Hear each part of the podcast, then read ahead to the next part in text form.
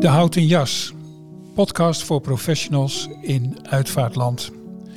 Een podcast van de Aprella Vie Academie, presentatie en gespreksleiding Aartmak. Fijn dat jullie er zijn. Marise, Marise Verboom en Jasper, Jasper R. Martens. Fijn dat jullie zijn, Marise en Jasper. Um, Marise, ik begin met jou. Um, jij bent, dat las ik op je website, je mooie website. Dankjewel. Vanaf 1 januari, dat is dit jaar, dus bijna zes maanden, ruim zes maanden, uh, onderweg hè? Klopt inderdaad, ja. Eigen ja. bedrijf? Eigen bedrijf was helemaal niet de bedoeling eigenlijk, om zo uh, hard van start uh, te gaan. Maar ik heb bij Jasper de opleiding gevolgd. En eigenlijk toen ik net begonnen was, toen, uh, toen werd er naar Jasper gebeld door twee vrouwen die hun onderneming wilden verkopen. En toen belde Jasper mij van misschien is het wat voor jou. En toen zei ik, nee joh, doe normaal. Ik ben net begonnen en dat kan helemaal niet. En uh, toen zei Na Jasper... Narda en Caroline. Narda en Caroline, ja, van Amenti. En toen uh, zei Jasper, je kan in ieder geval eens kennis met ze maken. Toen zei ik, nou ja, oké, okay, ik ga met ze praten. Nou ja, en eigenlijk klikte dat wel uh, goed. En ben ik een tijdje met ze mee gaan lopen. En uh, toen zijn we toch het onderhandelingsproces ingegaan. En vanaf 1 januari was het echt van mij. Maar hoe is dat om net opgeleid al gelijk een eigen bedrijf te hebben? Heel spannend. Ja, joh. Heel spannend, ja. Nou ben ik wel uh, van mezelf in het diepe gooien. Dat wist ik wel van mezelf. Ik kom echt wel ergens weer een keer boven. Maar het was dit keer niet makkelijk. En ik ben nog niet helemaal boven hoor. Ik, ben heel, ik heb heel hard gezwommen en ik zie wel de oppervlakte weer. Maar ik ben er nog niet. Wat zorgde ervoor dat je zo hard moest zwemmen? Nou ja, dat het allemaal nieuw was. Een eigen bedrijf, alle administratie die erbij komt en gelijk de achterstand die oploopt doordat dingen nog niet helemaal zijn ingericht en je lopend bedrijf overneemt. Dus je gaat ook gelijk, je stapt op die rijdende trein. En alles nieuw, dus eigenlijk ook de hele wereld nieuw, want ik kwam helemaal niet uit de uitvaartwereld. Je vader wel? Nee, mijn vader ook niet. Die wilde het heel graag. Na zijn pensioen wilde hij heel graag nog uh, de uitvaartwereld in desnoods als vrijwilliger. Maar mijn vader heeft zijn pensioen nooit gehaald. Die is maar 58 geworden. Maar daardoor zat het wel ook in mijn uh, hoofd. En ik dacht altijd, nou, later misschien. Maar ja, met hem als voorbeeld en dat je toch zelf ook ouder wordt, dacht ik op een gegeven moment, later is nu wel, uh, wel begonnen. Dus ik ga bij Jasper in ieder geval de opleiding volgen en dan kijk ik wel wat ik ga doen. Nou, nooit verwacht dat het zo hard zou gaan allemaal. Ja, toch snap je dat ik dat wel mooi vind of bijzonder dat, je, dat jij nu doet wat je vader had willen doen? Ja, nou ja, ik denk ook altijd uh, wel in mijn achterhoofd, hij kijkt wel mee en hij is denk ik ja. aaptrots. Ja, ja, Hij loopt wel met je mee. Hij loopt wel mee, zo voel ik het ook wel. Ja. Nee, nee, want dat lijkt me wel wat om een bedrijf over te nemen met een bepaalde sfeer, met een bepaalde klantenkring. Dat lijkt een voordeel. Tegelijkertijd moet je het wel doen in de stijl en op de manier zoals jouw twee voorgangers dat gedaan hebben. Ja, dat had ik me ook voorgenomen. En zeker omdat ik zo uh, nieuw was. En ik dacht, ja, ik, ik ga gewoon eerst borduur ik voort op hoe zij het allemaal deden. Okay. Um, nou merk ik wel dat uh, toch door de generatiekloof of het leeftijdsverschil... dat er toch al snel dingen anders gaan. Al is het alleen maar qua printen en uh, dingen online doen. Mm. En dat soort... maar... Um, Nee, zij hebben natuurlijk ook een hartstikke gedegen bedrijf achtergelaten. Dus het was ook niet een bedrijf wat gelijk op de schop uh, zou moeten. Alleen af en toe heel langzaam een beetje een moderniseringsslag. Dat wil ik wel uh, gaan ja, doen. Ja. Daar heb je tijd voor nodig. Ja, zeker. Ja. Je noemde de naam al van Jasper. Jasper, jij bent degene geweest die haar de gelegenheid heeft geboden, naast andere studenten natuurlijk, om uh, de opleiding voor uitvaartverzorger te doen. Op jouw Aprella Free Academie. Uh, we, we, hebben alles vaker tegen elkaar gezegd. Nou, wanneer ga jij nou een keer aan tafel zitten bij het, een opname van een podcast? Dat is dus, uh, dat is dus nu. Um, hoe lang zit jij eigenlijk al in het vak? Ik zit nu bijna zes jaar in het vak. En hoe lang ben je dat, bezig met, met de academie? Ik ben nu uh, twee jaar eigenaar van de Aprelle Vie Academie. Ja. En jij had of hebt nog steeds een eigen uitvaartbedrijf? Klopt. Ja. Alleen dat is voor mij nu de juiste balans zoeken Ja. tussen de twee organisaties. Maar dat is waar ik ooit voor begonnen ben. Ja. Dat is mijn jeugddroom om uitvaartbegeleid te worden. Dus dat doe ik nog steeds. Ja. Is het druk, zo'n academie, met mensen als Marise en vele anderen? Zeker. Um, ik heb hem ook overgenomen midden in de corona periode. Het was een, uh, een zeer interessante uh, periode om een organisatie überhaupt over te nemen. En dat heeft ook heel veel met Uitvaartland gedaan. Ook met het aantal overledenen, met uh, mensen die werkzaam waren binnen de uitvaartzorg.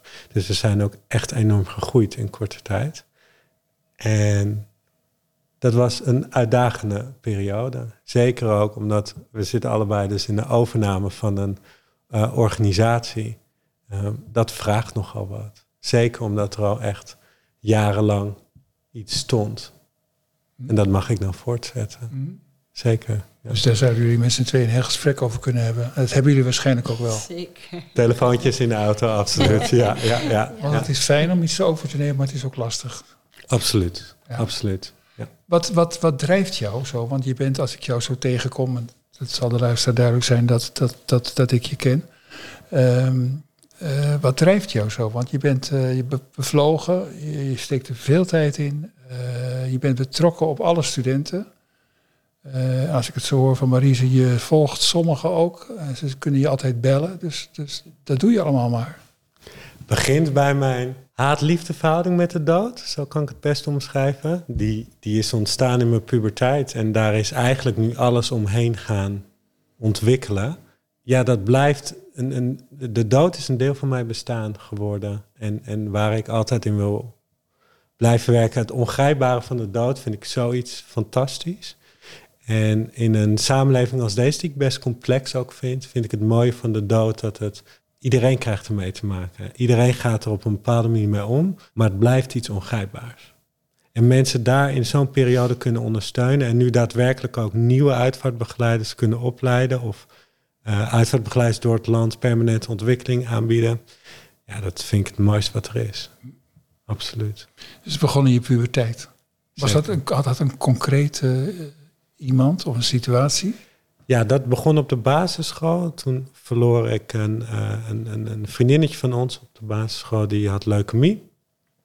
En ik herinner me nog die uitvaart en, en hoe afstandelijk dat was. En hoe ik dacht, hoe lang weten we al dat we doodgaan? En hoe gaan we hier dan mee om? En dat, dat, dat vond ik zo fascinerend en, en dat is nooit meer weggegaan. Zo je, was, je was ook uh, bijna beledigd dat, dat, dat het zo afstandelijk en koud was, als ja. ik je goed hoor. Ja, ja, zeker. Toen ook. Zoveel kinderen in emotie. En ik hoorde je, hoorde ik je ook zeggen, dus die samenleving die is zo complex uh, en die wordt, lijkt het alsmaar complexer. Maar als er iemand doodgaat, dan, dan, dan, dan hoeven we niet, even niet meer met elkaar te discussiëren en ingewikkeld te doen. Dan gaat het om het, het, vinden van eenvoud. Ik vertaal het nu met mijn woorden, maar hoor ik je dat zeggen? Je moet afscheid nemen. Het, het, het, de, het leven wordt even geremd. Je bent daarop gefocust. En iedereen neemt dat op een eigen manier afscheid. En hm. in die periode ben ik er eventjes. Hm. En dan gaat daarna het leven altijd wel weer door. Ja, maar dan laat je de mensen ook weer los. Zeker. Ja. Heb jij dit ook, dat jij als, als, als, als opgroeiende vrouw, meisje, al, al met de dood geconfronteerd werd? Nou, ik iets later op de middelbare school. Toen uh, pleegde mijn beste vriend zelfmoord. Totaal onverwachts eigenlijk voor ons. En niemand had dat aanzien uh, komen. Ja, dus ja, wel al jong mee te maken. En wat Jasper zegt, dat ongrijpbare, dat fascineerde me ook wel heel erg. Uh, en het verbond ook zo. En dan ben je in de puberteit en iedereen, hè, de hormonen gieren door je lichaam. En, maar we waren toen met één ding bezig en verder ging het nergens meer over. En we waren zo met z'n allen één op dat, uh, op dat moment. Doe je in jouw groep of jouw klas? Wat? Ja, in de klas eigenlijk, ja. ja. Dus, en ook iets breder de school, maar ook de docenten en iedereen op zijn eigen manier met zijn eigen verdriet. Maar het verbond gewoon en dat vond ik een heel mooi uh, gevoel. Ja. En dat vind ik eigenlijk bij heel veel uitvaarten nu nog, vind ik het altijd, geeft het me een speciaal gevoel, toch van verbondenheid. Als ik jou zo hoor en als ik ook Jasper hoor, dan zijn, en ik herken het ook eerlijk gezegd wel bij mezelf, dan zijn wij eigenlijk alle drie en vele anderen in dit vak ook romantici. Wij houden ervan dat het eventjes helder en duidelijk is dat het alleen maar over gevoel gaat. Ja. Zeker, absoluut. Ja. En, en, en dat, precies, dat, je, dat iedereen precies weet eh, wat er aan de hand is. En tegelijkertijd, dat hoor ik jou dus ook zeggen, en dat, eh, dat herhaal je, dat ongrijpbare. Hmm. Want, waarom is het ongrijpbaar? Klink- Klinkt als een vraag naar de bekende weg, maar toch. Ja, we weten niet wat er na de dood gebeurt. En iedereen ehm, kan het op een eigen manier invullen. Ehm, of dat nou vanuit een religie is, of een overtuiging wat je meekrijgt, of een stukje houvast dat je zoekt in, eh, in het leven. We weten niks na de dood. En toch brengt het, het afscheid nemen wat je hele leven doet, ook je hele leven rouw je. En daarmee vul je je rugzakje dat brengt heel veel mensen toch weer tot de essentie van het leven. Het brengt heel veel mooie vragen, mooie ontwikkelingen die je mee kan nemen. En zeker doordat ik nu zo dichtbij sta, ben ik zo de kern van het leven gaan vinden ook. Met al zijn mooie, maar ook moeilijke kanten. En dat is dus paradoxaal. Hè? Je hebt het over de dood, steeds maar weer opnieuw. Ja. En je zegt, en daardoor vind ik de kern van het leven. Is dat herkenbaar? Ja, heel. Ja, ik zie je echt eh, met grote Ja, ogen ja, beamen. Ja, eigenlijk iedere keer besef ik me weer, geniet van de kleine dingen. Wees blij met wat je hebt. Maar tegelijkertijd ben ik ook wel eens extra angstig om kwijt te raken wat ik heb. Omdat je ook wel om je heen ziet dat dat dus zomaar kan gebeuren. En dat vind ik wel eens het lastige eh, eraan. Leg eens uit. Nou, dat je toch een klein beetje angstig wordt soms. Doorslaat misschien in het beseffen wat je hebt en het te strak vast willen houden. Dat heb ik bijvoorbeeld dan met mijn dochter. Die breng ik misschien dan wel het liefst tot de achttiende naar school. Gaat ze zelf natuurlijk niet goed vinden. Hoe maar hoe ze is nu tien. Ja. En eh, de meesten gaan al zelf naar school en zij niet. Want ik denk dan, oh, straks opeens is het weer over. Of, weet je, hoef, ze hoeft niet eens dood te gaan natuurlijk. Maar op een gegeven moment heeft zij geen zin meer dat ik haar naar school breng. Ja. En krijgt ze nog meer de eigen leven. En dat vind ik, dat is ook een soort afscheid nemen in het klein van de dingetjes die je nu nog zo koestert. Ja. En het gaat allemaal zo snel. En je verliest je heel vaak gewoon toch weer in de waan van de dag. Ondanks dat je tegen jezelf zegt, geniet er nou van. En kijk eens om je heen. We hebben het allemaal druk. We, we rennen ons allemaal drie slagen in de ronde. En daardoor vergeet je het dan wel eens. En dan bij zo'n afscheid word je wel weer met je neus op de feiten gedrukt. Dus dat is ook een valkuil van jou. Ja, aan de ene kant wel. Ja, Je, je streeft ernaar om, om, om te genieten van, van, van wat jij noemt de kleine dingen. Ja. Eh, en om te leven bij de dag zou ik aan willen vullen. zeker. Ja, En je noemt je dochter. En eh, je zult vast meer mensen en situaties tuurlijk, weten te benoemen. Ja. Eh, maar tegelijk hoor ik je ook zeggen, maar je bent zo druk en het gaat maar door. Ja, ja, daardoor is het denk ik voor, voor heel veel mensen wel eens moeilijk om, om daar bewust bij stil te staan. Maar tijdens zo'n uitvaart, dan, dan kun je er niet omheen. En dan zitten wij, hè, de- als uitvaartleider, dan heb je ook wel een moment dat je in zo'n uitvaart heel even niks te doen hebt. Laat ik dat, en naar de mensen mag luisteren. En dan heb je ook altijd goed de tijd om daar eens even over na te denken en Nou, bij ben, je, ben je, hoe, ontspannen ben jij als je, de, als je de, eh, gebeld wordt? Er is iemand overleden, kunnen we een beroep op jou doen als uitvaartleider tot en met de, de uitvaart? Nou, niet heel ontspannen hoor. Je bent echt heel erg mee bezig. Ja, daar ben ik wel echt heel erg mee bezig. Ik slaap wel weer nu. In het begin kon ik er zelfs niet van slapen, maar dat, dus, eh, dat wordt wel beter. Ik denk dat het wel goed is om een bepaalde gezonde spanning te houden, omdat, je, Ja. omdat het je ook scherp houdt. Maar eh, ja, dat, tuurlijk, ik ben daar dan wel echt eh, nou, bijna dag en nacht mee bezig. Bijna dag en nacht. Ja, ja, Als je in slaap valt en als je wakker wordt. ja zit Zo. het wel weer gelijk in mijn hoofd. Ja. Dat is te doen. Ja, dat is te doen omdat ik weet dat dat wel iets minder gaat worden. Maar dat zij, alles is nu nog zo nieuw. Ja? Ja, dat ik het wel spannend vind. nog. Jasper, als, als mensen, en, en Maries is er een van bij jou afgestudeerd zijn, met al jouw docenten om je heen. Wat vind je dan ongeveer het belangrijkste wat ze moeten weten of kunnen? Dat is een hele mooie en intense vraag. Het is belangrijk om de samenleving te blijven volgen. Waar is behoefte aan? Wat gebeurt er? Hoe nemen mensen in, in al die diversiteit afscheid? En het tweede daarbij is, en dat vind ik altijd heel belangrijk, is een stukje zelfzorg. En balans vinden in een vakgebied waarin dat compleet voor disbalans kan zorgen in het leven. waar Maries het ook over had, vind ik wel een hele pure confrontatie met de eindigheid. Dat ik ook wel in mijn dagelijks leven met de mensen om me heen daar ook mee bezig ben. En dat merk ik ook bij studenten. En dat is iets waar je, je heel bewust van moet zijn als je dit vak instapt. Dat vraagt veel van jezelf. Want je kunt het steeds wel hebben over anderen, maar het gaat om jezelf.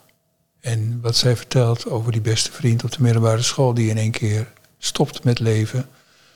Dat heeft natuurlijk, ondanks alle warmte en, en die is in leren, natuurlijk een enorme. Dat is een soort meteor, met, meteoor in de dampkring. Hè? Ja, daar snap je op zo'n moment ook helemaal niks van dat iemand die beslissing neemt. Nee. En tegelijkertijd, omdat ook niemand het aan zag komen en het mijn beste vriend was en je iemand dus heel goed denkt te kennen, maar zoiets essentieels over het hoofd hebt gezien blijkbaar, ga je ook opeens afvragen hoe je dan in verhouding staat tot de mensen om je heen, wie je dan eigenlijk wel echt wat, goed heb kent. Ik, wat heb ik niet gezien? ja, precies. Ja. Bedoel je dat met zelfzorg en balans? Zelfzorg is voor mij ook daarop aansluitend. Het loslaten heeft zoveel betekenis in het werk. Ik denk dat het daar ook in zit. Dus op het moment dat je dit soort diepe gebeurtenissen meemaakt, of dat nou in je eigen kring is of je bent daar als professionals uitvaartbegeleider bij betrokken, dan moet je het soms ook even helemaal uit kunnen staan en het loslaten. Wat heel makkelijk gezegd is, want dat kan niet. Want je neemt het mee naar huis. Je werk, de indrukken die je opdoet. En daar je eigen balans in vinden. Kijken wat je ook, waar je van ontspant, waar je gelukkig van wordt. En wanneer je niet even, of je even niet gelukkig voelt, dat ook echt kunnen omarmen. Want dat hoort erbij, juist als we in dit vak zitten. Jullie zijn allebei, als ik zo naar jullie kijk, en ik weet het van jou Jasper, vrij jong. Uh, hoorden jullie van leeftijdgenoten niet vaak de verbazing, of zie je de verbazing op hun gezicht van uh, wie is er nou bezig op jouw leeftijd met dood? Nou, misschien minder van leeftijdgenoten, maar meer van de oudere generatie of de mensen waar ik kom, die dan zeggen: Jeetje, meid, dat jij je nou zo al met de dood bezig ja, moet houden. Ja, ja, dat meer inderdaad. Dat ze dat soms haast een beetje sneu vinden, denk ik dan soms wel eens. Ja. Heb jij het ook? Ja, gemerkt? Meer de oudere generatie. Als ik kijk naar mijn vrienden en dat soort dingen, die vinden het reet interessant. En ja. die zien mij, maar die hebben mij ook een beetje met de dood zien opgroeien. Ja ik ben niet per se eenzaam, maar misschien soms wel alleen in. Omdat het komt niet zo heel veel voor dat het, het misschien op deze jonge leeftijd al is. En ik vind het soms ook moeilijk onder woorden te brengen waarom het continu bezig zijn met de dood mij dan echt zo blijft grijpen. Hm? Die balans, daar blijf ik even bij hangen. Want ik, ik, ik vind dat jullie dingen zeggen, allebei, um, die, die met wijsheid te maken hebben. Voor zover ik dat heb gelezen en, en zelf geleerd, maar ook gelezen bij anderen, zeggen ze het allemaal. Je, je, het leven zit dusdanig wonderlijk in elkaar dat, dat geluk en ongeluk, uh, die gaan op een manier samen. En, en, je kunt niet zeggen, nou ben ik helemaal fijn en, en ik voel me goed en, en nou heb ik geen zorgen meer. Nee, je moet juist te midden van zorgen proberen een soort zorgeloosheid te creëren. Je moet te midden van dingen die tegenzitten en teleurstellen, moet je proberen om jezelf overeind te houden. Zeggen van, nou, dat laat ik. Jij noemt het woord loslaten. Mm dat is best een kunst en een klus. Er gaan hele cursussen over en allerlei coaches zijn er voor in de weer. Ja. Lukt het je? Ja, ik vind tot nu toe dat het me wel goed lukt. Het helpt mij altijd wel door uh, te bedenken dat het andermans verdriet is. Dan kan ik een bepaalde afstand nemen uiteindelijk uh, weer. Ja. en ik denk dat Jasper en ik een beetje dezelfde passie delen. En dat uh, is ook de omgang met paarden. En dat helpt oh, mij ook wel. Uh, vertel. Nou ja, ik heb twee paarden. ben echt opgegroeid met de paarden. En als ik dan naar een uitvaart of zo daarheen ga, dan kan ik even helemaal mijn hoofd leeg maken. Dan ben ik even helemaal nergens meer mee, uh, mee bezig. En dat vind ik heerlijk. En dan is het alleen maar, al ben ik alleen maar stallen aan het mesten. Vind ik ook niet erg, maar gewoon daarbuiten en met paarden en even mijn verstand op nul. Dat helpt mij wel. Ja. Zouden die paarden zelf misschien ook iets doen bij jou? Dat zeggen ze wel ook altijd van paarden. Ja, nou ja, ze hebben sowieso wel een uh, rustgevende werking op me. En ze spiegelen je ook wel eens als je zelf onrustig bent. Dan, zijn, dan, dan zijn zij ook eh, onrustig. Dus je wordt ook een beetje gedwongen om daar gewoon Ja. rustig eh, te zijn. Ja. Is dat, zou jij het ook gezegd kunnen hebben, wat Maries? Zeker, herkenbaar. Ik doe het niet meer, paardrijden. Maar voor mij is dat nu acrobatiek. En ik denk dat dat sowieso erg belangrijk is. Voor mij was het het vertrouwen wat ik had in paarden in een nieuwe sport terugvinden. En dat is door middel van duo-acrobatiek eh, zo op elkaar... zo elkaar moeten vertrouwen dat het in het kleinste detail fout kan gaan. En dat ik eh, mijn kop helemaal op nul kan zetten. Je hebt het over duo-acrobatiek, Ja. dus dat doe je met z'n tweeën. Ja. En dat, dat ben je voortdurend jezelf op die ander aan het afstemmen. Ja. En dat luistert heel nauw. Zeker. Dus je hebt helemaal geen tijd meer om aan andere dingen te denken. Op dat moment niet. Nee. Mooi. En voor mij, wat ik zeg, dat ik echt leerde wat het vertrouwen is in iemand. Wat ik ook heel mooi kan vertalen naar het werk. Omdat het best Ja. wel een eh, betekenis heeft in ons werk. Het vertrouwen in dat wij moeten krijgen als wij bij nabestaanden zijn. Maar dat het altijd lastig is. Daar ben je ook op dat moment elke dag mee bezig. Dus dat vind ik Ja. een heel interessant. Ja. Vertrouwen, veiligheid, verbinding. Ja. Ik heb het beeld van koordansen ook wel eens. Mijn, mijn beroep lijkt op dat van jullie. Ik heb dan ook met de dood te maken, intensieve gesprekken en begeleid mensen en zo. Soms denk ik, het is koordansen. Het is, het is, het is steeds, steeds die balans vinden. Ja. En eigenlijk hou ik er ook heel erg van. Dat, heb ik, dat deel ik ook met jullie. Dat, dat ja, je kan wel eens op een stoel gaan zitten met heel andere dingen bezig. Maar op een gegeven moment ga ik toch weer dat opzoeken dan. Mm. Dat heb jij waarschijnlijk ook. Zeker, ja. Dat, ik denk dat dat ook juist inderdaad de perfecte balans is. Want je hebt ook behoefte aan die eh, spanning en die diepgang en de, de betekenis van het leven. Maar Ja, dan zoekt- raak je een beetje overvuld en dan zoek je weer, ja, doe je even een stapje terug. Je eh. zoekt, het, je zoekt het ook op. Ja, maar je kan ook niet te lang in dat stapje terug, want dan ga je ook een beetje. ja. Oké, Oké, andere onderwerpen. Dat vind ik wel belangrijk om met jullie twee dat te bespreken. Ik hoorde het jou noemen en ik had van tevoren ook genoteerd. Ehm, samenlevingsbewust noemde jij dat. Er is veel gaande, gelukkig, eh, op allerlei vlakken in Nederland. Ook op het gebied van dood en doodsbeleving. Ehm, nou, jij bent een voorbeeld van al die nieuwe uitvaartleiders die eh, sinds de eeuwwisseling zich laten zien in uitvaartland. Jij bent een voorbeeld van iemand- die jong is en met een hele opleiding eh, bezig is. Ehm, is het beter geworden naar jullie waarneming de laatste twintig jaar als het gaat om Nederland en de dood? Beter vind ik lastig te omschrijven. Ik denk dat ik geloof nooit namelijk dat er een taboe is op de dood. Die creëren wij zelf, ook uitvaartland zelf. Ik denk dat het ongrijpbare altijd ervoor blijft zorgen dat we zoekende zijn. Ook al hebben we houvast misschien in rituelen of een religie, je Hm. ziet toch wel dat heel veel mensen nog zoekende zijn. En er telkens weer nieuwe vragen komen op het moment dat iemand overlijdt. En dat maakt dat elke situatie weer nieuw is. Maar ik merk wel in de samenleving dat doordat het geloof een andere rol is gaan spelen en dat wij meer moeten puzzelen met locaties, omdat de rituelen niet meer vanzelfsprekend zijn, dat dat wel heel veel vraagt van mensen zelf en van de uitvaartbegeleiders. Dus de creativiteit, ja, die wordt wel heel erg aangewakkerd. En dat maakt het daardoor ook wel heel interessant, maar ook best lastig. Ik denk dat we aan de ene kant in alle vrijheid uitvaart willen vormgeven. Dat wordt ook zo vaak geroepen. Maar we hebben ook heel veel behoefte aan houvast. Het is toch fijn om een, een stukje te weten hoe je het afscheid kan vormgeven. Die, die, al die vrijheid geeft ook een stukje onzekerheid. Zeg je mooi. Ja. Het is ook een soort gelaagdheid, hè? want jullie kennen allebei mensen die gaan gelijk in de, in de actiestand en die willen van alles en zijn bezig met elkaar. Maar in hen zit ook een ziel, of hoe je dat noemt, een innerlijk. Dat zoekt naar, ja, waar gaat het allemaal over? Eh, naar troost, naar misschien wel houvast. Dat is denk ik de nieuwe stroom uitvaartbegeleiders die nu ook aan het komen is. En Ja. vooral doordat ze de verschillende leeftijden nu werkzaam zijn in uitvaartland. Dat Ja. echt, echt met elkaar gaan samenwerken. Is dat ze het gesprek erover aangaan van hoe kunnen we door echt oprecht te luisteren naar mensen.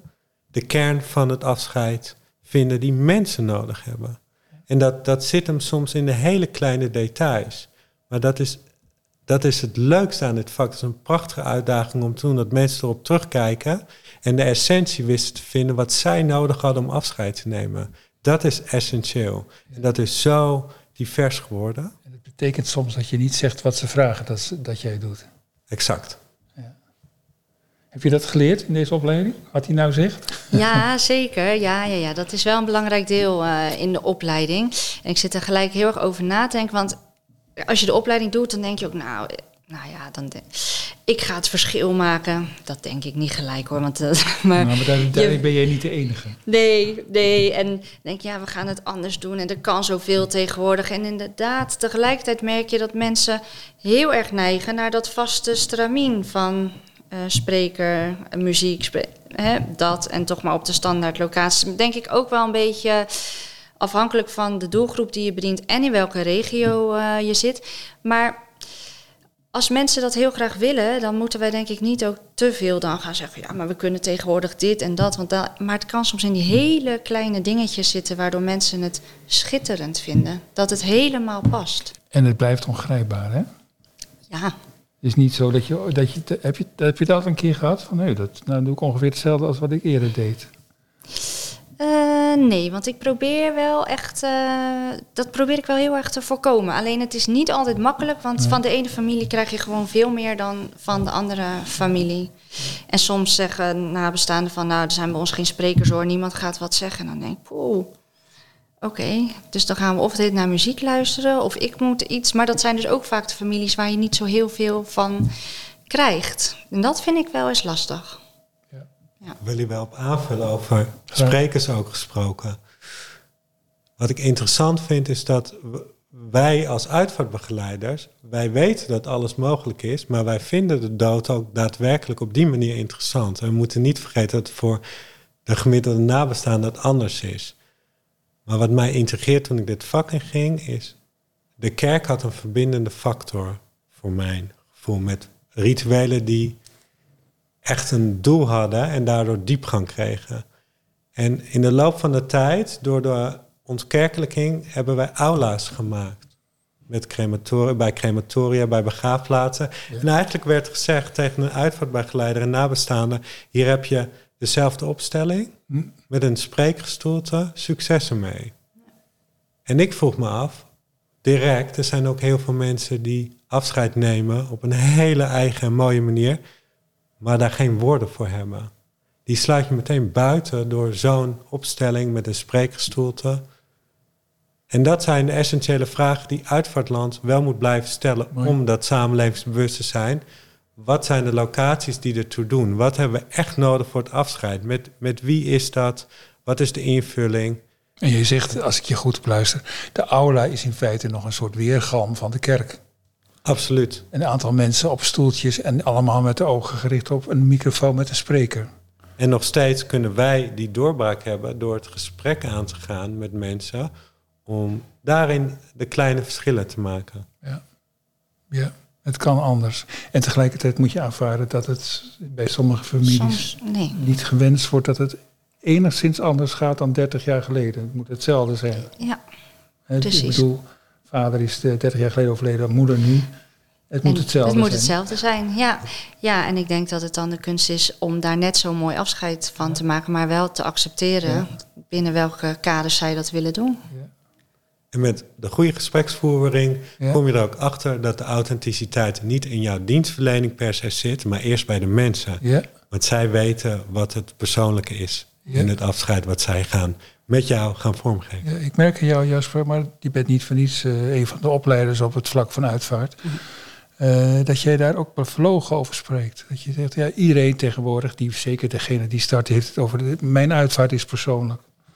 Dat begon ergens 20, 30 jaar geleden, geloof ik. Dat iedereen dat, dat mensen begonnen te zeggen. Maar en nu is alles persoonlijk. Maar jij, jij voegt daar heel wat aan toe, vind ik ook. Ja. Want wat is persoonlijk? Ja, natuurlijk is het persoonlijk, maar dan? Wat gebeurt er dan? Krijg daar een beetje jeuk van als iemand zegt ik lever persoonlijke uitvaartzorg, maar dan hoop ik dat ze daar dan mee bedoelen dat het persoonlijke karakter wordt gecreëerd doordat jij als uitvaartbegeleider juiste vragen stelt. En echt ja. uh, de, de, de juiste persoon bent op dat moment. Ja. Kan het wel eens fout gaan? Gaan afronden hoor. Dit is zo'n Of zo'n laatste vraag. Kan het wel eens fout gaan? Ja, ja, er kan zoveel fout gaan. Zeker. Dat denk je ook aan van tevoren. Ja, ja, ja. Ik eh, doe alles in mijn hoofd stap voor stap nalopen. En dan nog had ik het laatst had er iemand gevraagd om een losse microfoon. Want die wilde met de rug naar het publiek kunnen staan. Nou ja, bij het eh, uitvaartcentrum geregeld losse microfoon. Maar op het moment dat we aankomen, dan ga je alles klaarzetten. Check ik het niet. En ik zie haar aankomen lopen en zo een beetje om zich heen kijken. En dan denk ik, shit, die losse microfoon. Ja, Ja. Dat, eh, nou ja, toen had ik, dan heb je hem nog wel redelijk snel. Maar toch, daar, Ja. daar baal ik dan toch van, dat soort kleine Ja. dingetjes. Dan denk ik, jammer. Ja, ja. En natuurlijk kan het ook in een opleiding fout gaan. Het is een groot onderwerp wat we ook bespreken. En dat merkte ik ook. Uitvaartbegeleiders zijn over het algemeen perfectionisten. Ja. En dat is ook de grootste valkuil. Maar het is ook weer daarover Ja. dat ik een doorbraak wil hebben... dat we niet tegen mensen zeggen van... de uitvaart wordt perfect. Hij wordt perfect doordat jullie het samen doen. En dat is denk ik het allerbelangrijkste. Ik vind een uitvaart moet menselijk zijn. En daar horen dingen die anders gaan dan misschien gepland horen daarbij. En dat, is- dat is ook het mooie. En daar moet ook een doorbraak in zijn. We zijn allemaal maar mens Mm. die voor zoiets dubbels komt te staan. Het afscheid echt loslaat van iemand. Ja, dat vraagt menselijkheid. Mooi woord. Ja. Het woord perfectie wordt wel eens erg snel gebruikt. Exact. Wat een, wat, wat een mooie tijd leven, dat is mijn gevoel. Dat ik kijk nog even naar mij of je dat ook vindt. Wat een mooie tijd leven, hè? want eh, we zijn dus langzamerhand wel zover dat we bijna helemaal afscheid genomen hebben van de kerkelijke riten en van de vanzelfsprekende kerkelijkheid in Nederland. En nu weten we het soms helemaal niet, maar dat is zo'n verrijkende situatie. Want nou moet je het steeds onderzoeken met de familie en er komen dingen boven. Als je me goed vraagt, heb je gelijk aan die je van tevoren zelf niet had bedacht. Of niet? Dus dat is echt het allerbijzonderste van dit vak, denk ik. Mooi. Telkens weer echt vanaf nul beginnen. Ja. Ook het spannende wel, vind ik. Want je, je belt ergens aan en je weet inderdaad ja, ja, ja. niet waar je terechtkomt. En Nee, soms is, waar je gaat beginnen. Of ja. Wie zit daar Wie achter zit die deur? achter die deur? Ja. Ja, Dank jullie wel. En, en, en, en sterkte en plezier ook. Ja, En, dank u wel. eh, groeiende, groeiend gemak ook, waarmee je, maar ook tegelijkertijd alertheid waarmee je het doet. En dat geldt ook voor jou, Jasper. Ik volg jou al een tijdje. Mhm. En eh, de opleiding wordt steeds meer eh, jouw eigen. eh, je eigen draai, je- de mensen om je heen die, je- die, die, die, die, je aan, die je erbij betrekt. Je studenten. Ik, ik heb nou, al twee keer studenten zien afstuderen en ik denk, die mogen er wezen, die mensen. Laat ze maar gaan. Dus dank jullie wel voor dit gesprek. Ja, bedankt. Ja, ook bedankt inderdaad.